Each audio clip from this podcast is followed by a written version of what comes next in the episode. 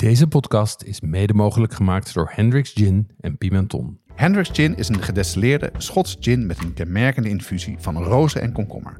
Probeer nu ook de fruitige variant Grand Cabaret. Pimenton is dé webshop voor foodies. Ze hebben meer dan duizend ingrediënten van over de hele wereld die ze snel en voordelig versturen vanuit België. Ook bij ons geldt geen 18, geen alcohol. Jeroen, ben je wel eens goed ziek van oesters geweest? Ik ben wel eens onwaarschijnlijk ziek van oesters Serieus? geweest. Ja, echt heel erg. Toen ging ik met, eh, met mijn huidige vrouw, mijn toenmalige vriendin, eh, naar Londen. Eh, een vriend van mij werkte daar in de Quaglino's. Quaglino's was een heel fancy restaurant van Sir Terence Conran. Van, Ja, van ken ik, Habitat, ja, ja. precies. Ja. En daar hadden wij de seafood platter. En nou, uitgebreid oesters gegeten. Alles zat erop en eraan. En toen ik terugkwam in het hotel, begon het al te rommelen.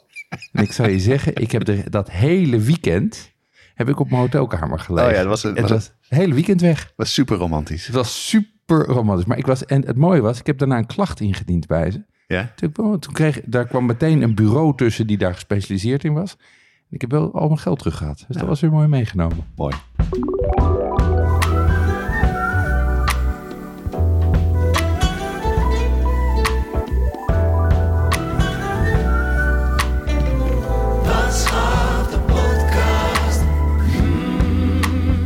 Ja, je raadt het al. Deze aflevering gaat over oesters.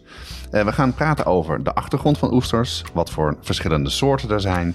We gaan ze proeven, hoe je ze, waar je ze koopt, hoe je ze bewaart en hoe je ze ook openmaakt.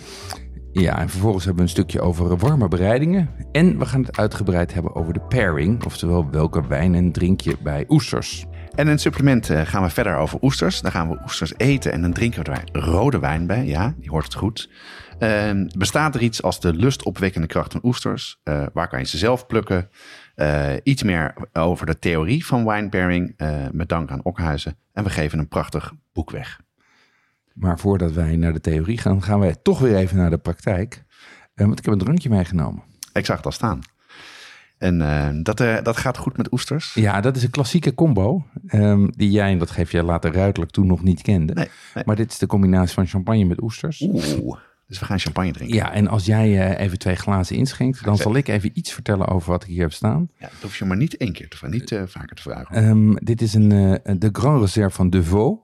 En De Vaux is een wijnhuis, een, een, een, champagnehuis die vooral met Pinot Noir werkt. Ja, Ehm, en die maken dus, een, die maken dus een, een witte champagne van de rode druif. Hier zit 70% Pinot Noir in. En dat ruik je, want hij heeft allerlei aroma's die je ook herkent in, in, in Bourgogne-wijnen. Ehm, en hij, hij, is lekker, eh, hij is lekker droog en naturel. Maar door die Pinot Noir heeft hij wel heel veel... Nou ja, is hij heel geurig en aromatisch. nou, ik kan hier wel aan wennen hoor, Jeroen. De podcast eh, starten met een eh, glaasje champagne. Ja, misschien moeten we daar gewoonte van maken. Ehm Xavier vertelt straks overigens nog iets meer over deze wijn. Want voor hem is het ook een tip bij, bij champagne. Wat, bij oesters. Wat vind je ervan? Ja, ik vind hem heel lekker. En ik, eh, met champagne vind ik vaak, eh, als ze te zuur zijn, vind ik niet zo fijn. En deze heeft een heel lekker, ehm, lekker belletje wat erin zit. Ja. En hij heeft een hele, nou, best wel volle smaak, vind ik. Ja. Maar toch, nog steeds is hij fris en nog steeds is het, eh, ja, heb je zin om nog een slokje te nemen. Dus nee, zeer goed hoor. Heel goed. Kunnen we zo meteen kijken hoe we daar de oesters mee wegspoelen. Ehm, Ik ben heel benieuwd. wat, heb jij, wat heb je meegemaakt de afgelopen dagen, Jonas? Nou, afgelopen dagen, ik was een tijdje terug, was ik eh, bij Moes. Dat Ja. is een messenwinkel in Amsterdam. En daar eh, nou, we hebben het vaker over gehad. Vind ik een hele fijne zaak. En ik was daar om eh, met toestemming van mijn vrouw een, eh, een extra mes te kopen. Oh, ja, ontheffing? Ja, ja. ja. Nog wel even van tevoren geappt, weet je het zeker? Ja. Ja, hoor, ga je ja, gewoon, ja, schat, ga je ja, ja, ja. De unit cap was er één verhoogd. Ja, maar goed, ik heb niet meer ruimte in mijn keuken. Dus er moest een andere weg. Dus dat was nog wel even een discussie. Maar goed, eh, uiteindelijk gelukt. En dan en, ehm, een Jaap van Moes. Ik kwam aanlopen met een potje. Waar eh, een soort van oranje, oranje poeder in zit. En dat heet eh, Yuzu Kararin. En dat is een eh, soort van een blend van, van chili, van yuzu en zout. En yuzu, dat is een, ehm, eh, dat is een, een citrusvrucht uit, uit Japan.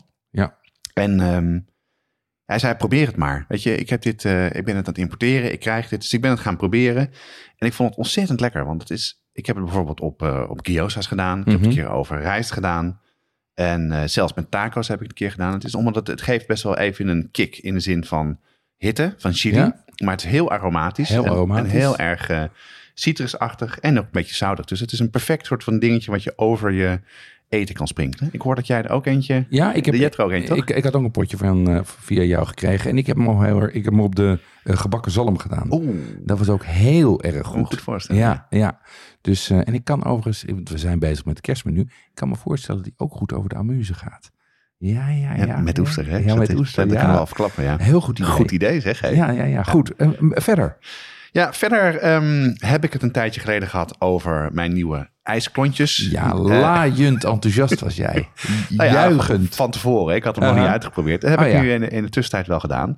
Eh, ik kreeg wel een paar wenkbrauwen omhoog thuis over de grootte. Want het is toch best wel een unit die in de, in de, in de vriezer moet. En dan moet best wel wat ruimte gemaakt worden.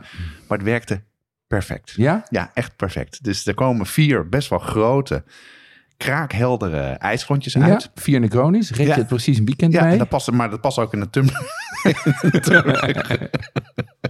ja, goed, we gaan richting de feestdagen, dus eh, dan mag het toch. Alleen het enige waar ik een beetje mee zit, en misschien kan jij mij eh, daar qua theorie even mee helpen, Mhm. is, ehm, dan heb ik een hele mooie heldere ijsklontje. Ja. Doe ik dan in mijn glas, dan maak ik een Negroni, mix hem, Ja. en dan breekt mijn ijs. Dan gaat dat Ja. dus, Dan wat doe ik verkeerd? Ja, je, ehm, dat, is, dat komt eigenlijk door de klap van het, eh, van het iets te warme vocht wat je erop gooit. Oké, Wat je beter kan doen, is hem even, 10 minuutjes of zo, eh, eh, even tot rust laten komen. Dus dat je je Eh, ijs... het- het ijs- ijsklontje? Ja, het ijsklontje. oh ja. Het ijsklontje. Eigenlijk is het ijsklontje dan nog te koud. Er staat er heel veel spanning op. En als je er dan, eh, als je dan die, dat, eh, dat vocht opgooit, dan barst die. Heb ik met mijn klonten ook. Oké, En de truc om dat te doen is gewoon is temperen. Dus eigenlijk gewoon 10 minuutjes van tevoren of zo eruit halen. Ja, en dan, En maakt het ook uit als je de vloeistof kouder maakt, of gebeurt dat dan hetzelfde? Dus dat als je dus een, een- eh, lijkt mij een mooi experiment voor eh, de komende weken, eh, Jonas. Ja. Nou, ga ik zeker doen. Dus dat is een succes. ja. Tijdens voor mensen die, die het ook willen. Ik zal de link nog even op de site zetten, want het is echt een topding. En dat scheelt weer een, eh ja, een, een beerkoeler in je, in je vriezer. Daar moet je nog veel meer ruimte voor maken. Ja, ik Ja, vind wel, het, het is, mijn klont is natuurlijk rustieker. Want ik, want ik heb een, ja, maar het is, het is wel interessant. Nee, dat is wel waar. En nou, op zich, maar op zich vind ik een mooie strakke klont, vind ik ook wel gepast. Kijk eens aan. Misschien dat ik ook dat ik hem wel op het verlanglijstje zet voor de kerst. Ja, Hey, en jij, wat heb jij uitgespoord? ja je, je kan de klok erop gelijk zetten, Jonas. Als het, eh, als het eh, eh, herfstvakantie is of het net is geweest, dan begin ik met mijn Christmas cake. Dus, ehm, ook dit jaar weer? Ook dit jaar weer. Ja? en eh, ik ben dit jaar, ik heb natuurlijk een beetje gevarieerd. Ik heb kleintjes gemaakt, grote gemaakt, eh, alcoholvrije gemaakt. Ehm, maar ik ben nu weer helemaal klassiek gegaan. Gewoon het recept weer even helemaal zoals hij, eh, zoals hij op de site staat. Dus met die verhouding krenten, rozijnen, uh, amarenekersen. Uh, en het is altijd een goede plek om je restjes uh, drank uh, weg te gooien. Ja. Want je in de loop van het jaar sleep je nogal wat mee. Dus ik heb, het was zeer bevredigend om opruiming te doen in de drankkast. Kan er weer nieuw spul bij. Een beetje zoals met jouw messen. En, en verder staat dus, dus ik ga hem dit weekend bakken. Ja, leuk. En met jou zijn meer mensen bezig. Hè? We zien af en toe foto's voorbij komen op ons Instagram kanaal. Ja. Het Watschap de podcast. Ja. En daar uh, zie je steeds meer mensen ook hun uh, bakervaringen delen en doen. Het is erg Zeker. Leuk. En tag ons ook vooral, want zien bakken doet bakken. Ja. En het is gewoon hard. Het is echt een heel leuk project. En dan delen we het ook. Verder. Ja, um, ik heb een nieuwe manier van paddenstoelen bakken ontdekt. En? Ja, dat is top. Nu wil jij natuurlijk weten hoe. Ja, ik wil zeker ja, ja, weten hoe. Ja, um, ik geloof best dat die top is, maar... Wat je, wat je doet is, het geheim is dat je onder druk gaat bakken. Oké. Okay. Um, dus wat je doet is, je neemt een, uh, neemt een, een zware pan, een koekenpan. Een klein beetje olie erin. Daar leg je de paddenstoelen in hun geheel in. Ja. Um, en vervolgens zet je daar een andere pan, koekenpan of kookpan bovenop. Waardoor ze zeg maar plat worden gedrukt. En wat er daarmee gebeurt, eigenlijk twee dingen. Het een is dat ze door dat stuk toch een beetje worden afgesloten, stomen ze wat. Ja.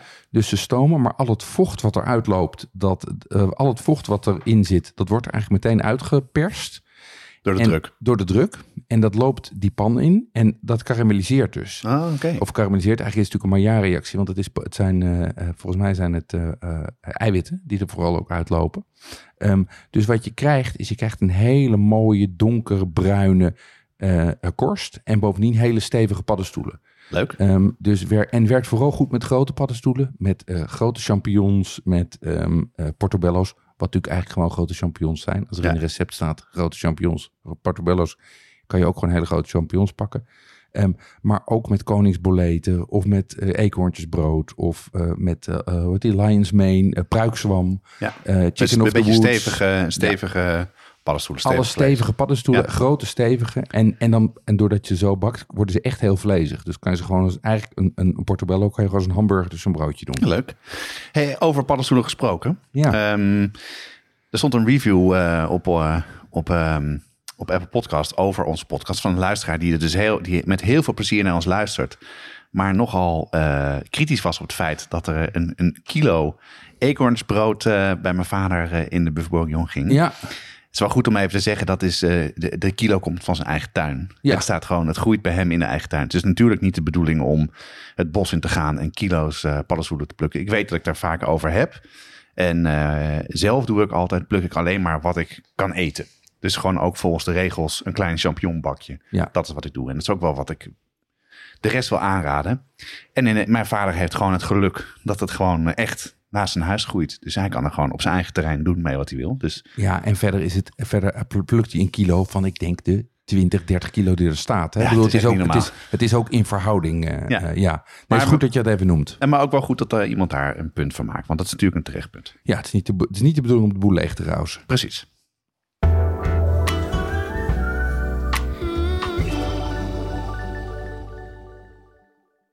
Tobanjan en tamarindepasta, Carnaroli rijst en de juiste tahini.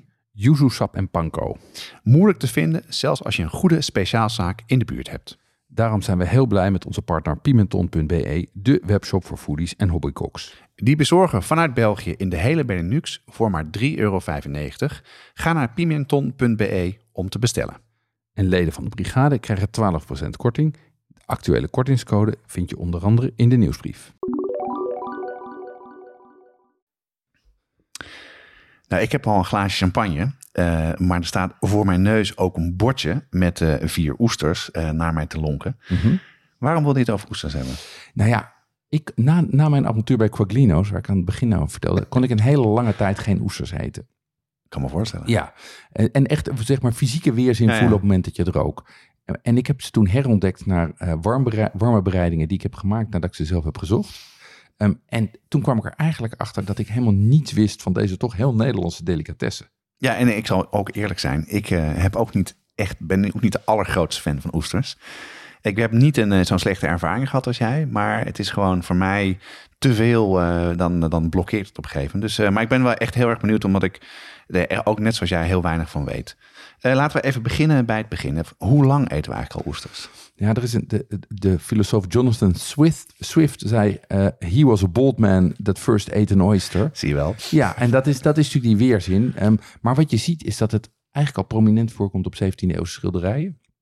Ehm, maar uit eh, archeologisch onderzoek blijkt dat Romeinen ook al oesters aten. En een Ja. systeem hadden om ze te transporteren dieper het land in. Oké. Ehm, en er is zelfs recentelijk onderzoek waaruit blijkt dat schelpdieren en oesters mogelijk een essentiële rol hebben gespeeld in de menselijke evolutie.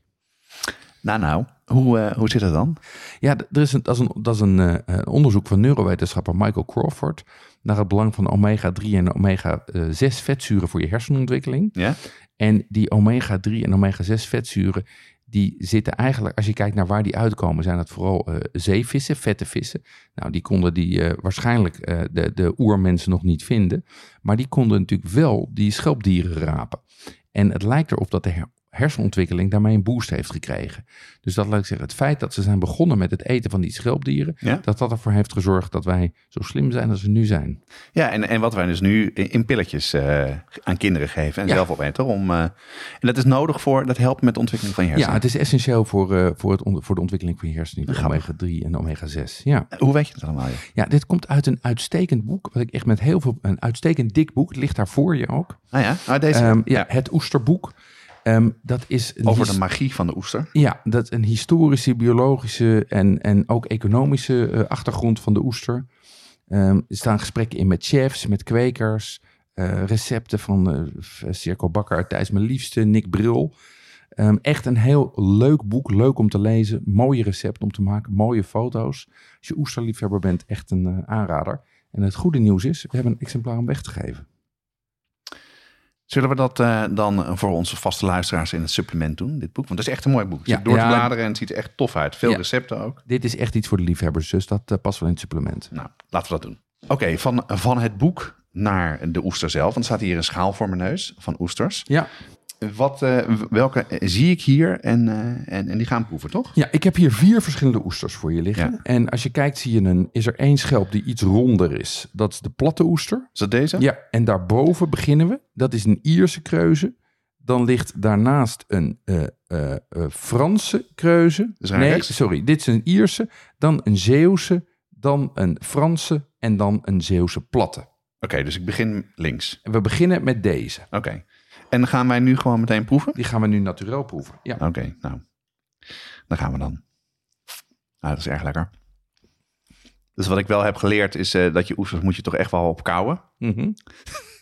Je groei trekt een beetje weg. Neem heel snel een slokje ja we, we nemen dit ochtends, we nemen dit ochtends om Ja. eh, 10 uur op. Ja, precies ja. Dus het is zo'n ontbijt eigenlijk. Nee, ik vind het echt serieus lekker. Want hij, Hij is lekker, toch? Hij is zoetig. Hij, heeft, eh, een, hij is romig. Ja. Hij heeft een, eh, een volle smaak. En eh, met, kijk of de champagne lekker bij is. Ja. De champagne die, eh, die eh, maakt eh, je mond een beetje schoon. Mhm. Accentueert wel die, beetje die zoetige smaak, heb Ja. ik het idee. En strakke. Dat gaat dus goed met champagne. Dat heb ik al door, ja. Ja, die combi is heel goed. Ik, ik nam nu een slokje champagne. Je ruikt die, ehm, die bloemigheid van Ja. de champagne. Die komt ineens veel meer naar buiten. En een wat- beetje de straffigheid. Het, de, het strakke. Wat, wat Het hier- strakke, ja, ja. het eh, drogende. Ja. Ja. dus dat vind ik lekker. Ehm, ik heb, je moet nu even beginnen niet met die daarnaast ligt, maar die daarnaast ligt. Ja, dus deze. Ja. Ja, En welke is dat dan? Eh, dat is de Franse kreuze. Ja, en, dus dat is, hetzelfde type, maar dan ergens anders opgevoed. en diegene die we net hadden was een Ierse. Dat was een Ierse, Ja. Nou, het is ook eh, een mooie schelp. Het, is het, het vlees is wat kleiner.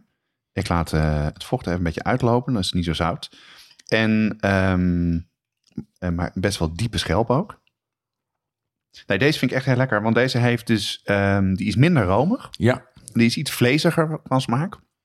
Die is ook niet zo heel erg, hij is wel zout, maar niet overdreven zout dat het de smaak eh, weghaalt. Dus deze is, nou, hoe moet je het zeggen? Iets voller, iets ja, misschien nog wel iets interessanter qua smaak. Wat ja en ik, ik vind hem ik vind, hij iets hartiger. ja, hartiger is Ja, het vooral, ja. hartiger. ehm, eh, ja, ik vind hem erg lekker, die Franse.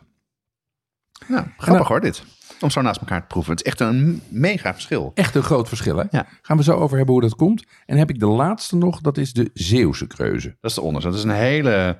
eh, Nee, dat is die, die diepe ook nog. Die diepe die Ja, erboven zit. Dit is een, dan die andere, die onderste, dat is een platte. Oké, en die doen we later. Nou, het vlees van deze oester is best wel groot, vergeleken met die andere. Een beetje te groot voor mij. Ja, is die te Ja, groot? ik merk dat het dan in mijn mond... eh, maar ook, even kijken hoor. Ja, ook wel, het zit er echt wel een beetje tussenin qua smaak. Ja, Dus het heeft ook wel iets vleesiger. Het is iets, iets, iets groter qua, qua vruchtvlees of qua Mhm. vlees van de, van de oester. Ehm, heeft ook wel een beetje, ja, een beetje dat zoutige, dat, dat, dat geïodeerde wat erin zit. Maar nog steeds best wel, ja, het, het gaat echt wel meer richting vlees dan richting vis. Dat is wel het geinige als, ik- Ja. als, je, het zo, als je het zo proeft. ja het, is, het is allemaal heel vol. Ehm, eh, Ik moet het even wegspoelen hoor. ja, ik moest ook even... Ja, wat er bij mij is, het is niet zozeer de smaak, maar het is meer de structuur. Ja, ik het ben ook echt geen fan van mosselen. Dat Nee. is echt iets van, van vroeger. En, ehm en doen we de laatste of niet? Ja, nu gaan we naar de Zeeuwse platte. Oké. Ja, die vind ik heel lekker. Wat hier heel fijn aan is, is dat die eh, wat minder geprononceerd is qua smaak. Hij is Hmm. iets... ehm, Oh, dat vind ik juist niet. Ik vind hem juist veel... Hij is minder vol. ja, dat bedoel ik misschien. Hij is minder romig. Ja. Maar hij heeft meer ehm, een beetje metalige smaak. ja, zeker. Zeker. Ehm, en hij is wat, wat sterker van smaak. Ik vind hem wat, eh, wat uitgesprokener. Jawel, maar hij is misschien wat minder eh, vol vlezig heftig. Dit is iets... dit, is me- dit is meer wat lekker is als een aperitief, zou ik zeggen. Ik, ik ben zelf, eh, eh, ik heb natuurlijk een, aantal geproefd de afgelopen tijd. Ik ben, was al een grote fan van Zeeuwse platten en dat is eigenlijk nog groter geworden. Ehm, maar dat zit hem vooral in het feit dat ze inderdaad wat kleiner zijn en wat geconcentreerder. Ja. En minder zo'n zo'n hapromigheid. Maar een totaal andere smaak. Hè? Totaal het zit wel, andere smaak. Het zit wel in hetzelfde soort spectrum. Ja, het is, is dat nou umami? Ja, er zit natuurlijk heel veel umami in. eh, maar het heeft ook dat ziltige, het heeft dat vette. Ehm, eh, het is natuurlijk, eh, en, en het mondgevoel is natuurlijk allemaal hetzelfde van dat hele ja, dat hele zachte, eh, glibberige. Ja, maar het mondgevoel is echt wezenlijk verschillend tussen deze vier die we nu geproefd hebben, hoor, Absoluut. vind ik. Want ehm, moet ik zeggen welke ik nou het lekkerste vond? Ja, mag je... de, mag eerste, de eerste en laatste. Dus de Ierse Oh, ja. en, de, en de Ierse vond ik interessant qua smaak, qua Ja. volligheid. En kan ik me heel ook goed voorstellen dat je dat... Hebben we het al vaker over gehad, dat je dat als een soort van met een tartaar kan eten. Ja, dat kan ja, echt heel ja. goed. eh, en deze eh, met een lekkere, eh, frisse champagne Ja, als aperitief. Dat... oh, ja geef mij nog maar wat. je, wil niet, pro- je wil niet proosten. Je, ik, wil gewoon, ik wil bijgeschonken worden. Ja. En Oh, die- grappig zeg, die champagne volledig anders. Hè? Ja, Veel bloemiger, veel, veel ehm, zoeter. Wat een verschil zeg. enorm hè? Ja. Enorm, ja. Ja, hier zie je ook wat dat, dat, dat geïodeerde, dat, eh, dat metalige komt meer naar boven. Dit is misschien wel de lekkerste combinatie, vind ik. Ik vind dit een Qua met de champagne ja, die we hebben. Ja, hey, dit zijn ehm, vier, eh, ja, hetzelfde product, namelijk vier oesters, maar Mhm. compleet andere smaken. Het zien er ook anders uit. Eh, hoe zit dat? Eh, hoe komt dat? Weet je dat? ja ik, dat, dat weet ik. Ik heb daar uitgebreid over gesproken met Jean de Hoge. Ja. Ehm, en die is eigenaar van de Oesterij en World of Oysters. En dat is, een, eh, dat is in de oesterwereld ook wel een interessant bedrijf. Hoezo dan? Want wat vond je daar leuk aan het bedrijf dan? Nou, het grappige is dus, zijn familie zit al meer dan 100 jaar in de schaal- en schelpdieren. Zo dan? Ehm, ja. ja, en sinds 1906 kweken ze mosselen. ja? Ehm, en in de jaren 60 zijn ze eigenlijk een beetje als hobby oesters erbij gaan doen. Ehm, en hij zelf, hij is dus derde generatie geloof ik, is heel enthousiast geraakt over de oesters. En wil meer mensen laten kennismaken met die oesters. En daarom zijn ze begonnen met, nadat ze, naast dat ze kweekten, zijn ze begonnen met verpakken. En sinds 2012 hebben ze ook echt een proeflokaal waar je al deze oesters kan proeven. Ehm, en, en is hij ook begonnen met een samenwerking met Ierse en Franse oesters om die breedte te laten proeven ook. En hij heeft me echt alles verteld Ja. over oesters. En, die, en die, vier, die Ierse en die Franse oesters, die, die liggen dan in, in, ehm, in Nederland? Of, of komen Ja, of, hij, of- hij, hij importeert die. Eigenlijk, eigenlijk wisselen ze uit. Dus wat er natuurlijk meespeelt is dat oesteroogsten, daar gaan we het straks nog wel even over hebben, ehm, die kunnen van jaar tot jaar enorm verschillen. Nou. En het helpt dus om relaties internationaal te hebben, dat als jouw oogst tegenvalt, dat je het elders vandaan kan Ah, ja. En toen bleek ineens dat er ook wel vraag was naar die smaakverschillen. Maar deze komen dus van zijn bedrijf, van het Ja. bedrijf van, van Jean de Hoge, de Mhm. hoesterij. En ja, als we even teruggaan naar die smaakverschillen, eh, hoe zit dat dan? Wat, wat vertelde hij daarover? Nou, wat, wat je interessant is om je te realiseren is natuurlijk dat oesters een beeldproduct zijn. Ehm, je koopt dat oesterzaad en dat, dat gooi je dan op, op, ter- op banken in de zee. Serieus? Ja, en dan laat je het gewoon drie tot zeven jaar liggen. Zo Dus- lang? Ja, zo lang. Ja, Ah, ja. ja. zeker die platten, die groeien wat minder snel. Ik denk dat die plotter die je hier hebt, die is vijf jaar oud. En die kreuzes zijn drie jaar oud. Dus, en daar liggen die oesters eh, eh, algen uit het zeewater te filteren. Want het zijn filterdieren, hè? Ja, ja. Dus die liggen daar gewoon te liggen. Ehm, en die smaak, de smaak van die oesters wordt dus heel erg bepaald door de temperatuur en door het water dat ze filteren. Ehm, en dat maakt dus uit of je in Frans water, en Frans water ligt of in Iers water. Gewoon omdat in het een is het wat zoeter en wat zilter en temperatuursverschillen. Maakt dat zelf Ehm, uit? Ja, dat maakt dus, nou ja, je proeft het. Nee. dat, daar komt dat dus door. Want genetisch zijn ze allemaal hetzelfde. Behalve ja. die platte, hè, dat is wel echt een andere ras. Maar die andere drie zijn vrij, zien er ook echt best wel hetzelfde uit. Ja, Ja. En, en wat in, ook interessant is, is dat die kwekers, die beïnvloeden dat dus door die dingen te verslepen. Dus die, die, die vissen ze op en dan gooien ze ze ergens anders neer. Ja, dus, dus, dus het wordt dus eh, uitgestort ergens en daar, daar groeien ze. Ja, En, maar wordt dat dan zo vaak heen en weer eh, gevaren of gesleept? Hoe moet ik het zien ja dat, dat gebeurt een paar keer in het hele proces. Ehm, eh, en, en dat doen ze dus om te zorgen dat nou ja, in de verschillende fases heeft zo'n oester behoefte aan verschillende omgevingen. Ofwel warmer, ofwel kouder, ofwel zoeter, ofwel brakker water. Serieus, hè? Ja, serieus.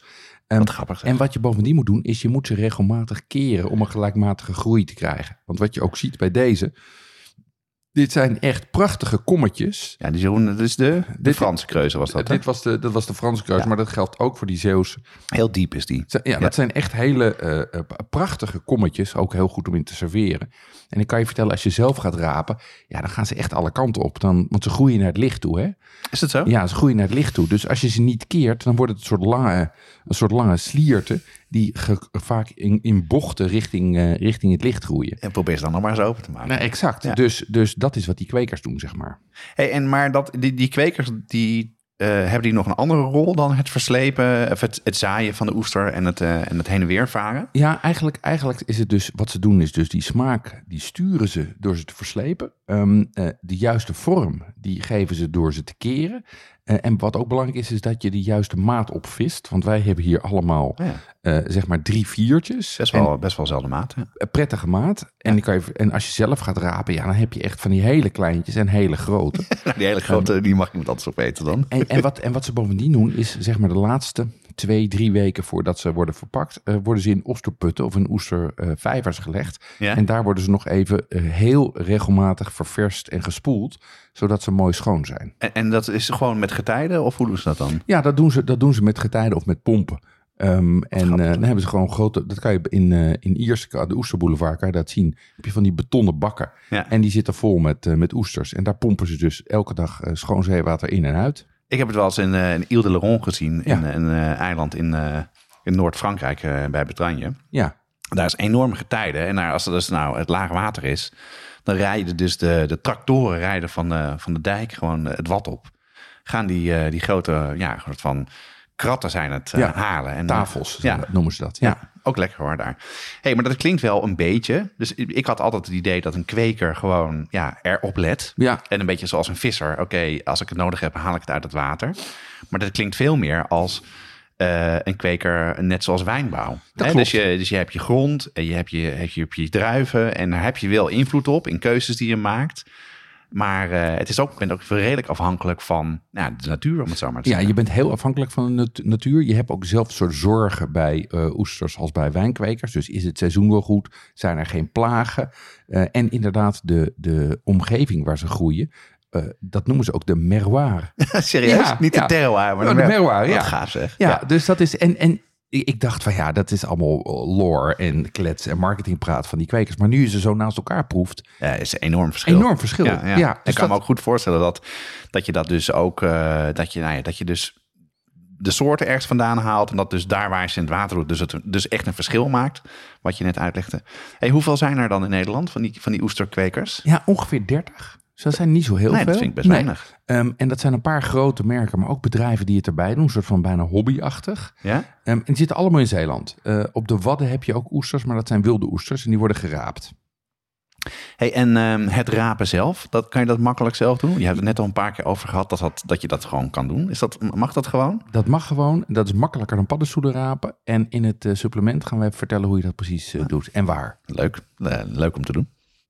Ja, Jeroen, deze champagne die we hier nu bij drinken, eh, die hebben we al eerder geproefd. Mhm. We waren namelijk op uitnodiging van Okhuizen bij hun proef, proeverij, proeven tussen de stellingen. Ja, En het leek ons ook een mooi moment om eh, de eigenaar, Xavier Kat, eventjes te tackelen en vragen te stellen over welke wijnen nou goed bij oesters eh, gaan. En daar heeft hij eh, een ruim de tijd voor genomen om te antwoorden. En we hebben ook allemaal wijnen geproefd. ja, dat hebben we geweten. Laten we even luisteren.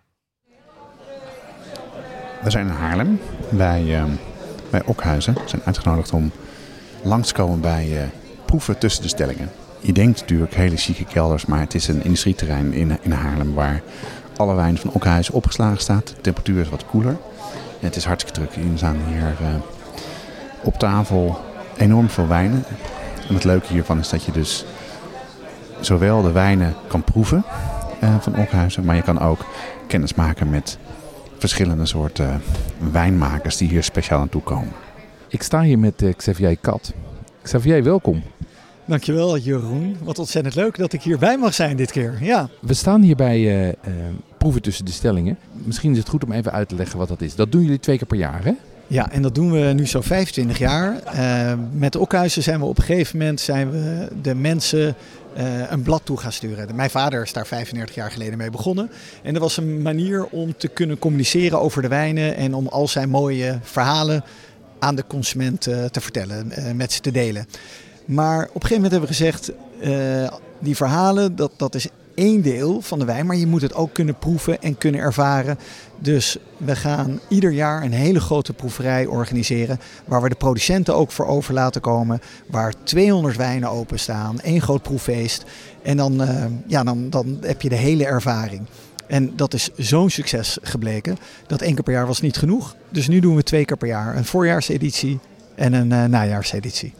Ja, en het is wel heel leuk, want dit is wat mij betreft in ieder geval een ideale manier om het hele assortiment een keer te proeven. Want er staan 200 flessen open. En je hebt ook echt hele mooie wijnen openstaan, hè? Ja, ook dat is de bedoeling. Eh, we proberen echt de mensen een beetje een kijkje in de breedte te geven.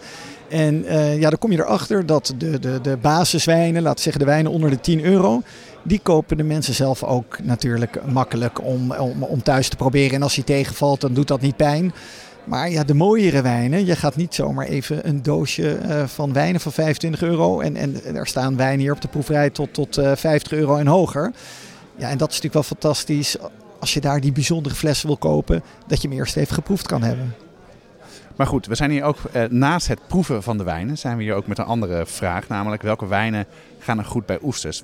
En, en waar moet je dan op letten, Xavier, als je, als je wijnen bij oesters gaat uitkiezen? Ten eerste is het natuurlijk heel erg belangrijk over wat voor oesters je het hebt. Heb je het over platte oesters uh, of heb je het over keuzes? Die smaken anders. Maar ook wat doe je bij de oesters? Citroen wordt er vaak bij gedaan, maar heeft natuurlijk wel heel veel invloed op de pairing. Maar doe je het met een sabayon of ga je ze grillen? Of, uh, er zijn natuurlijk uh, verschillende mogelijkheden. Dat speelt een enorme rol.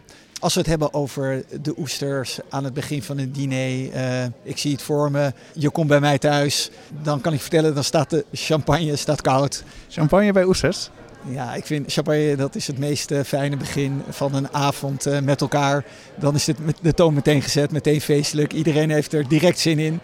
En dan is het ook wel heel lekker om dan te genieten van een paar mooie oesters. En dat is een klassieker voor mij. Oesters en champagne. Nou, we lopen achter Xavier aan en die uh, gaat naar een van de verschillende wijnboeren en die gaat dan volgens mij een champagne. Ja, we gaan de champagne gaan we proberen. Waar zijn we, Xavier? Dit is Champagne de Vaux uit de Côte de Bar. En Côte de Bar is het zuidelijk gedeelte van de Champagne. En dat is wat meer het thuis van de Pinot Noir. Een van de vaste druiven in Champagne.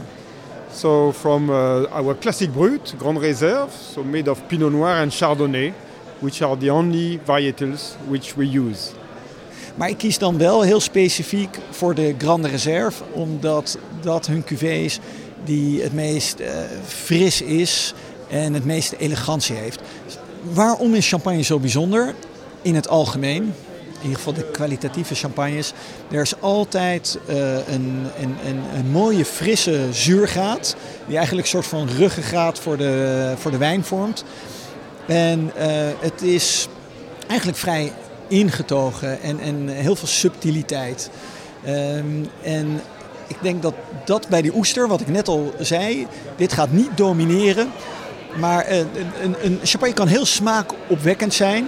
En kan een bepaalde bloemigheid heeft deze ook. En een bepaalde ziltigheid. En dat zijn allemaal kwaliteiten die eigenlijk die oester gaan stimuleren. Die, die de smaak in de oester extra gaat prononceren, gaat opwekken. Ja, nee, je kan, hier kan je gewoon de oester heel puur kan je hem bij, ook bij eten, zonder iets. Ja, dan komt ja. de zoetigheid goed naar voren, komt de ziltigheid naar voren. Ja. ja.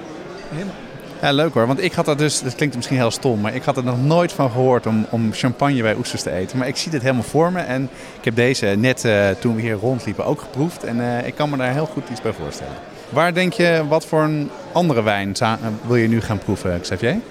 Het lijkt mij heel leuk om even naar het huis uh, Masse de Masgassac te gaan. Die hebben een kleine wijngaard in Picpoul de Pinet. Dat is een herkomstgebied uh, die echt aan de Middellandse Zee uh, ligt. Direct aan de Middellandse Zee. De, de, de, de, wijnstokken, die, je stapt bijna van de wijngaard de zee in. Het is een zanderige bodem. En dat zijn wijnen die een bepaalde lichtvoetigheid hebben. maar ook een smaakintensiteit, maar wat je bijna niet verwacht, zo zuidelijk in, in Frankrijk. We lopen nu naar een nieuw steentje. De wijnmaker die stond net een broodje in zijn mond. en uh, de pikpoen wordt er tussen uitgehaald. En die gaan we ook even proeven om te kijken wat die, hoe die het doet bij, bij oesters. Waarom, waarom denk je dat deze zo goed gaat bij oesters? Ja, het heeft toch weer met het uh, wat meer ingetogen en slankere karakter te maken. En een, uh, ja, een hele natuurlijke frisheid. En Picpoul, heeft altijd dat ziltige. En ja, dat is gewoon een, een soort van natuurlijke match met uh, sowieso met uh, zeevruchten, maar ook met uh, oesters. Dus in het Bassin de Thau, veel mensen zullen het kennen, daar hebben ze ook prachtige oesterbanken. En ja, daar iedereen zit daar aan de Picpoul de Pinet met oesters uit Bassin de Thau. Ja. Hoe verschilt dit nou van champagne, als je zo, ze zo direct naar elkaar proeft? Sowieso heb je natuurlijk niet de, de belletjes. Dat doet uh, wat met het mondgevoel uh, ten eerste. En hier heb je in de geur en in de smaak volgt dat heel mooi. Heb je een beetje dat gejodeerde. Dat, die zoutige smaak die anders is dan de mineraliteit die we in de champagne hadden. En dat geeft toch een, een wat geprononceerder karakter. Ja, die wellicht... Een, er zit een klein bittertje in. Ik denk juist door dat bittertje en dat, dat, dat hele ziltige dat gaat die uh, bepaalde karakteristieken in de oester echt, echt prononceren, echt liften. Lekker hoor. Dat was de tweede. Nu de laatste wijn. Gaan we, gaan we proeven? Ja, het lijkt mij wel heel leuk om even Spanje in te gaan dan. En dan kies ik eh, graag voor het uh, kustgebied in Galicië. Een heel koel klimaat in Spanje. Natuurlijk ook weer gelegen dicht aan de zee. Een, uh, een, hele makkelijke keuze zou Albarino zijn, uit Rias Baixas bijvoorbeeld. Maar ik vind het leuker om een onbekendere druif met jullie te proeven. De Godello-druif in het subgebiedje Baldioras. Ligt ietsje meer landinwaarts, uh, maar is een te gek gebied wat het verdient gewoon om ontdekt te worden. Laten we gaan proeven. Xavier heeft nu een, een nieuw glas voor ons ingeschonken, een uh, Godebal. Um, die komt overigens van de tafel onder de 15 euro. Dus dat is ook goed nieuws. Um, wat, wat, proeven we hier, Xavier? Ja, we blijven hier wel in het karakter van frisse, slankere wijnen. omdat de oester daar gewoon goed mee doet. We kunnen straks nog misschien over wat meer contrast ook praten. Maar, maar deze wijn, net hadden we de echte pure ziltigheid. En hier komen we ietsje meer in, ook in, in steenvruchten. Dus gaat een, een beetje naar wit fruit. En, maar het zijn hele subtiele, niet te aromatische tonen. En dan in combinatie toch weer met een hele zuivere zuurgaat.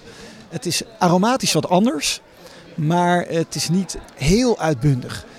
Ik denk bij oesters moet je niet een Gewürztraminer en Riesling botst over het algemeen ook. Je zou kunnen denken, Riesling is fris en, en mooie zuren. Maar aromat, aromatisch botst dat. Daar, daar, zit niet een brug met die oester. Als je er uh, wat citroen bij wil doen of bijvoorbeeld een uh, vinaigrette, dan kan de wijn dat ook prima aan. Xavier, ontzettend bedankt. Wat leuk om. Nou, ik had hier echt in mijn leven nooit verwacht dat ik uh, rode wijn en oesters bij elkaar zou hebben. En champagne. Nou, ga ik meteen uitproberen. Ehm, leuk om hier te gast te mogen zijn en ook even uitleg van jou te krijgen over hoe je oesters beter kan, ja, hoe je meer van oesters kan genieten met de wijn erbij. Heel graag gedaan. Ontzettend leuk uh, dat jullie hier waren. En, en blijf nog even, want er is nog veel te proeven. Ja, Jeroen die wilde nog wat dingetjes uitproberen. Zijn kelder moet aangevuld worden. Ja, ik was al bijna weg, Jonas. Dus, uh... nou, ga je gang, jongen. Ga proeven. Ja, dat heeft nog wel een staartje gehad bij mij, Jonas. Want morgen komt hier de, de, de, de vrachtauto van Okhuis voor. Die komt 12 dozen wijn leveren. Heb je zoveel dus besteld, ja. Ik heb, ja, en ik had ook nog in opslag liggen. Maar um, en nou, je hoorde het. Xavier heeft, weet er echt ontzettend veel vanaf. Um, en uh, hij heeft ons ook nog, dat hoorde je nu niet, maar hij heeft ook nog wat interessante dingen verteld over de theorie van de pairing. Um, en hij had dus suggesties voor uh, oesters met rode wijn. en dat gaan we even in het uh, supplement doen. En dan gaan we ook dat oesterboek weggeven. Nou, hartstikke goed. Jij hebt contact gehad met oesterij. Ja. En ik zag net beneden in uh, jouw koelkast uh, de verschillende dozen oesters. Daar heb je echt best wel uh, mooie oesters gekregen. Maar goed, als je niet helemaal naar, naar Zeeland kan, kan rijden, hoe kom je dan aan goede oesters? Waar moet je op letten? Nou, kijk, de, het makkelijkste antwoord is dat de oesterij ook een webshop heeft. Dus daar kan je gewoon bestellen. ja, en, dat, en ze leveren gewoon door heel Nederland? Leveren gewoon door heel Nederland. Dat ja, dus dat is ideaal. Zeker met de feestdagen.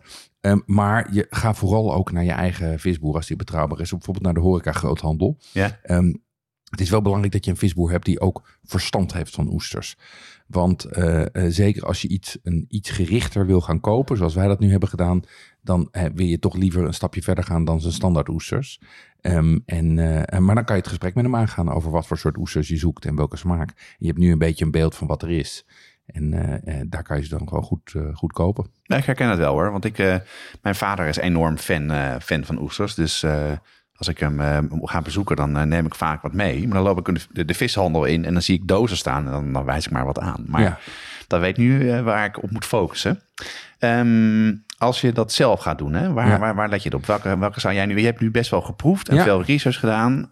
wat voor advies zou je eigenlijk geven of wat doe je zelf? Nou, kijk, je, je, maakt dus een keuze of je een, een mildere, romigere wil, de kreuze, of dat je de platte wil hebben die ja. krachtiger is en meer smaak heeft. Ja, en misschien nog heel even kort uh, de twee verschillende smaken, verschillende smaken uitleggen. Ja, die keuzes die zijn wat mij betreft voller, romiger en um, uh, wat zoeter. Ja, en een beetje vleesiger misschien. Ja, vleesiger, precies, voller in die zin. Ja. En uh, de platte die zijn wat krachtiger van smaak. Die zijn wat... Um, wat pittiger en iets minder vol. Dus die zijn wat magerder, zeg maar. Ja, maar ik vind het ook dus daarom ook wel qua smaak wel interessant, maar ik vind ze wel milder in smaak. Daar hebben we dan een beetje een verschil van mening ja, over. Maar ik, ik snap wat je... Nou, ik, ik, ze ik zijn... zou dus die eerder aanraden voor mensen die moeite met oesters hebben, zou ik wel met die keuzes beginnen, als ik heel eerlijk ben. Ja, het grappige is dat, dat de, de, de experts zeggen het juist andersom. Oh, serieus? Ja, omdat die, ah, ja. omdat die platten die hebben minder... Uh, die platten die hebben een uitgesproken naar oestersmaak.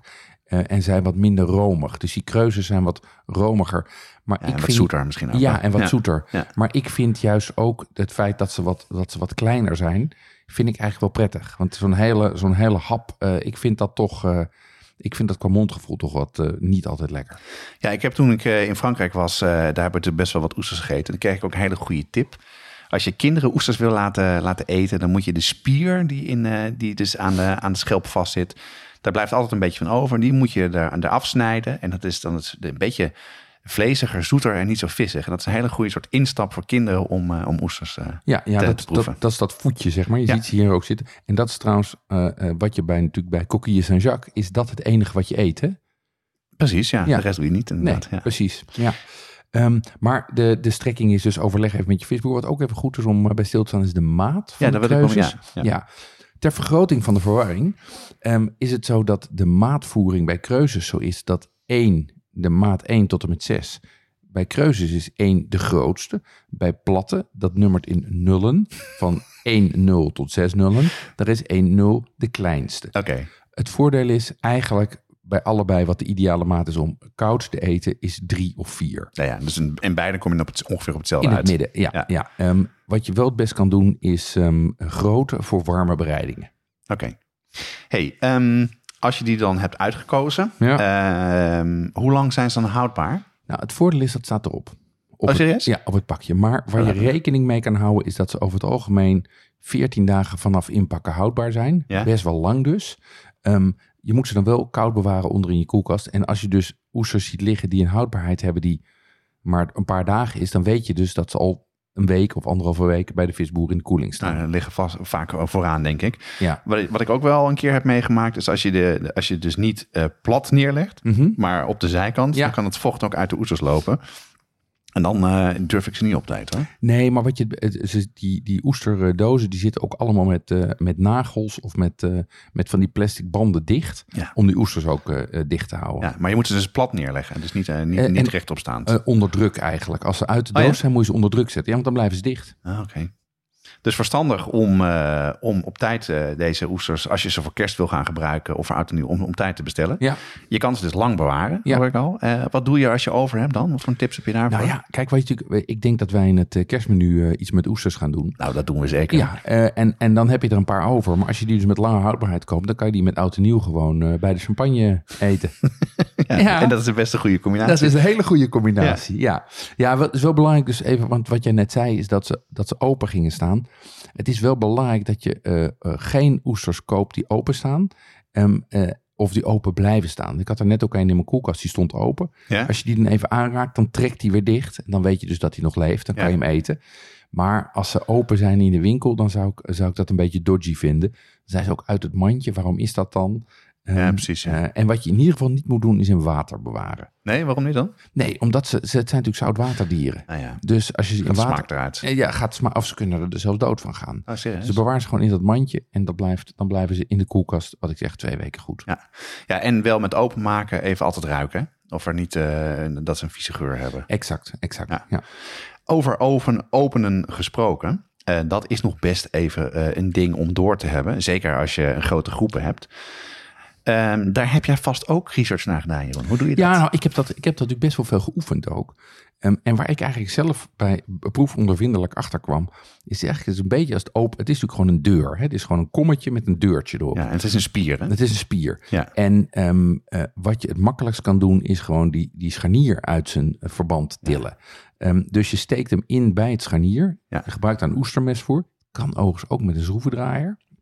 En dan wip je, zeg maar, dat scharnier open. En dan zijn die twee van elkaar gescheiden. En dan ga je er plat met je mes langs, Ja. zodat je hem lossnijdt. Ja, en plat is dus, eh, dus het is belangrijk om te zoeken wat de boven- en de onderkant is. En de Ja. onderkant is wat dieper, zodat daar ja, dat die eh, mooi netjes blijft. En plat snijden is dus de ding aan de bovenkant en proberen om die spier door te snijden. Dat je Ja, makkelijk en zo dicht mogelijk tegen de, scher, tegen de schaam aan, zodat je die spier ook opeet, want die is ook lekker. Ja, en oppassen dus als er schilfertjes eh, van afkomen als je wat te grof snijdt.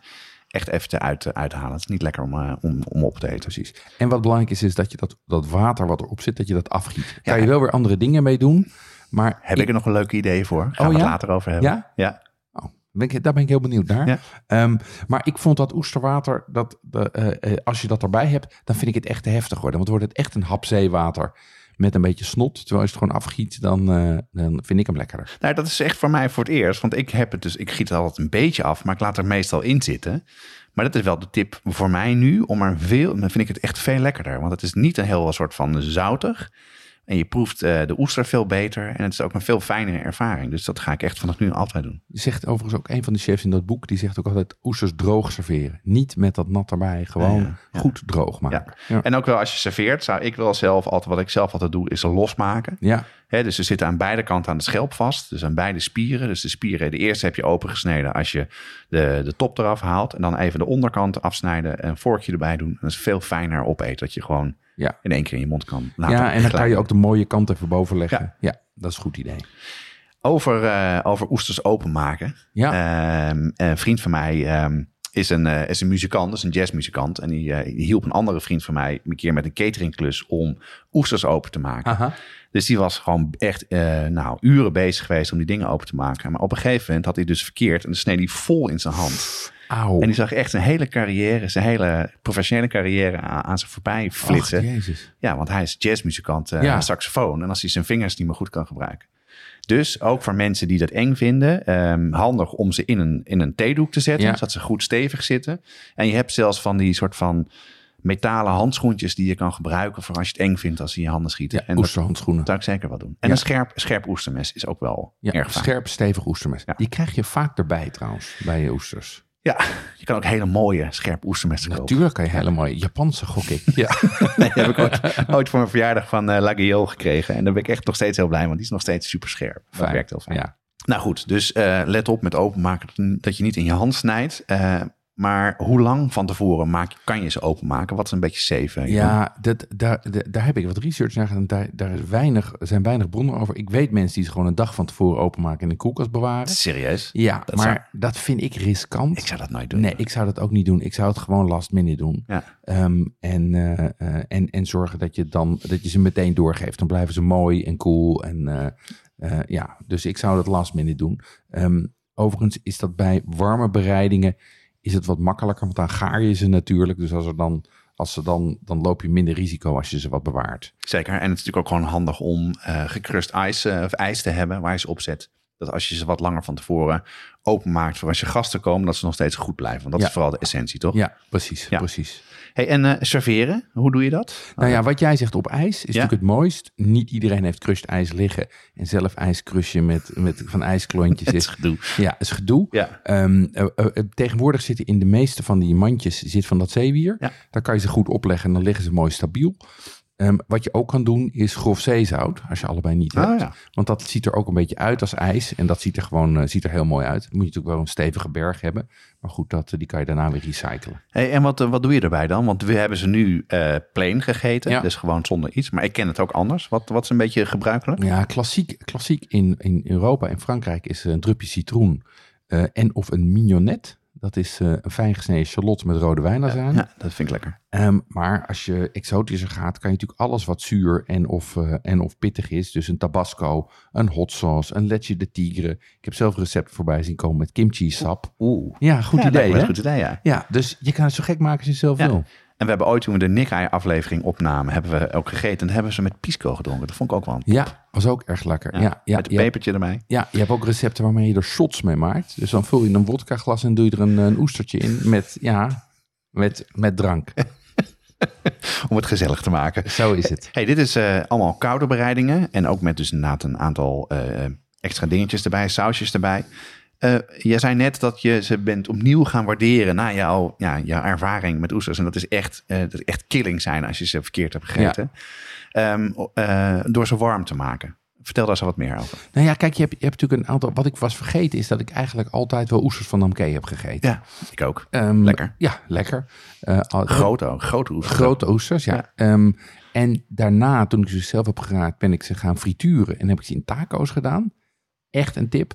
En recent heb ik als klassieker, speciaal voor deze podcast, heb ik de oester Rockefeller ontdekt. Hey, even terug naar die, eh, die eh, oesters van Namke. Mhm. Daar is natuurlijk ook een, ook een film over gemaakt. Maar dat zit dus op de Zeedijk in Amsterdam. Is, Ja. een, is een beroemd Chinees restaurant eh, in, in, op de Zeedijk. En daar worden ze dus gemaakt. En ze worden gestoomd, die oesters. Er Ja. gaat een zwarte bonensaus overheen met wat bos, bosui. En wat ik leuk vind, op het einde doen ze daar een beetje kokende olie overheen. Dat geeft ook gewoon dat die warm wordt. En dan die geur van die bosui en die pasta. En het is ontzettend lekker te eten. Het Ja. is echt een topper. En het is ook daar ook echt een van de meest populaire gerechten. Ja, en je bestelt er dan één of twee. Hè? Dus het is Ja. ook lekker als een soort, een soort appetizer. Ja, het is ook echt serieus de moeite waard om thuis te maken. De ingrediënten zijn niet ingewikkeld te vinden. Nou, die oesters van Namke ken ik en Mhm. eh, vind ik erg lekker. Eh, je had het net ook over eh, een warme bereiding door hem te frituren. ja. Dat is nou niet het eerste waar ik aan zou denken. Hoe, Nee. hoe zit dat dan bij jou? Dat was bij mij ook niet het eerste waar ik aan dacht. Ehm, maar ik had zelf geplukt in, in Zeeland. En Ja? dan mag je 10 kilo plukken. Zoveel? Ja, dus dat zijn twee emmers vol. En nadat ik al mijn buren één, twee of drie dozijn oesters had gegeven, had ik gewoon nog een halve emmer over. Dacht ik, ja, wat Ja. moet ik daarmee? Bovendien zaten natuurlijk ook nog gekke maten bij. Want ik vertelde, die wilde oesters, die groeien alle kanten op. Dus toen ben ik gaan kijken wat je ermee kan doen. En toen kwam ik terecht bij een recept voor gefrituurde oesters. Nou, vertel, hoe, hoe maak je het? Eigenlijk is het heel simpel. Ik zou niet eens een recept willen noemen. Je opent ze.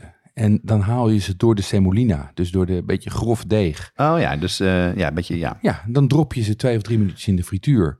En dan doe je ze in een warme, eh, warme eh, mais tortilla met hot sauce. Dat is het gewoon. Dat is het. En het is lekker. Heerlijk. Oh, wat een goed Ja, idee. want dan hè? worden ze stevig. En dan worden Oh, ze zeg maar... Ja. ja. dan wordt het ze vlezig. Veel wordt het vleziger. stevig en vleziger. En Ja, dan heb je wel die umami en dat ziltige. En dan met hot sauce. Echt heel lekker. Ja, en een beetje zo'n crunchy buitenkantje waar die hot sauce goed in kan zitten. En Exact. En omdat ze natuurlijk een beetje onregelmatig zijn, krijg je dat er inderdaad allemaal uitsteekseltjes en dingetjes Ah, ja. aan zitten. Dus dat is erg lekker. Hey, net zei je als laatste dat je de oesters Rockefeller hebt gemaakt. Nou, dat klinkt... eh, ja, ik heb er wel eens van gehoord qua naam, maar ik heb geen idee wat het is. Nou, ik, nee, Wat is het? Ja, ik was natuurlijk net in New York en daar zag ik ze op de kaart staan. En dacht ik, oh, dan moet ik eens even opzoeken hoe dat dan werkt. En eigenlijk is het een gegratineerde oester met boter, kruiden, broodkruim, shallot en citroen. Dus je, je maakt een mengsel van gesmolten boter met gebakken broodkruim en spinazie, kruiden en shallot en citroen. Ja? Die schep je er, die warme eh, eh, boter schep je in je oesters. Vervolgens schuif je ze onder de grill voor twee, drie, vier minuten. Afhankelijk van hoe stevig je ze wil. Dan begint die boter te borrelen. Eigenlijk een beetje zoals dat vet van die oesters van Namke. En dan heb je zo'n smaakprofiel met, met, met vooral eh peterselie, citroen, rasp, ehm, eh, knoflook en shallot. Oh, wauw, dat is wel lekker. Nee. Ja. Heel erg lekker. Ja, je hebt het al uitgeprobeerd. Heb ik gisteren uitgeprobeerd. Heel erg lekker om te maken. Ehm, je moet het overigens wel met wat grotere oesters doen. Want als je ze gaat bakken of gratineren, dan krimpen ze. Nou ja. Dus als je dat met die drie viertjes doet, dan hou je echt maar een Ja. kwartje over. En En welke van de, van de oesters die we hebben eh, ge- geproefd eh, net, zou je daarvoor gebruiken dan? ik zou daar denk ik de grote keuzes voor gebruiken. Ja. Ehm, omdat die het, het volst zijn. En die hebben door die, door die volligheid en die vettigheid kunnen ze ook wat meer krimp hebben. En ik denk dat als je het met platten doet, dat ze dan wel heel eh, geconcentreerd worden. Bovendien kosten die platten ongeveer drie keer zoveel als die kreuzes. Oh, dat ook weer. Ja. Ach, ja. Dus het is, net hebben, ja. het is wel de. Het is, ik zou dit met die eh, met grote kreuzes. Of ik zou dit eigenlijk doen met de oesters die je zelf geraapt hebt. Ja, ja, goede tip zeg. Bij, wat bij Namke, dat zei je ook. Dat zijn ook vaak monster. Ja, mega dingen zijn Ja, het. ja, Ja, precies. Enorm schelpen, ja. Het is wel een slim, eh, slim gerecht, hè? Want het lijkt me echt een ideaal gerecht wat je in een restaurant kan, kan maken. Want je maakt je oesters klaar, je hebt die saus klaar. Je gooit het in die schelp en dan doe je dat in de, in, in de oven. Beetje als, eh als kreeft thermidor, moet Ja. je ook een beetje aan denken. Ja. Ehm, hoe komen ze aan die naam? Waarom heet het dan de Rockefeller? Of, eh, Ja, de, eigenlijk is dat tenminste wat, er, wat ik online kon vinden, is dat vanwege de kleur. Het is, eh, de kleur? ja, de kleur. De je hebt ook, die saus is helemaal groen Ah, door de spinazie. En dat is natuurlijk de kleur van geld in Amerika. dat is dus, waar. Ja, heb ik ook niet bij stilgestaan. Dus daarom noemen ze het Oesters Rockefeller. is dat echt zo? Ja, Oh, wat grappig. En het, het ziet er echt top uit. Hè? Want als je natuurlijk zo'n zo'n grote schaal met oesters bob, borrelend op tafel zet, dat is wel meteen een binnenkomertje. glaasje champagne erbij. Huppakee. Helemaal goed. Voor mensen die gaan, gaan plukken en eh, of veel oesters over hebben. Eh, van de oesters Namke en van de Rockefeller zetten we de recepten op de site. Ja, Wil je nou veel meer weten over de oester en veel meer eh, leuke recepten eh, eh, lezen? Koop dan het oesterboek. Eh, er staan ook warme bereidingen in en nog heel erg veel andere leuke, interessante tips over de oester. Echt een aanrader.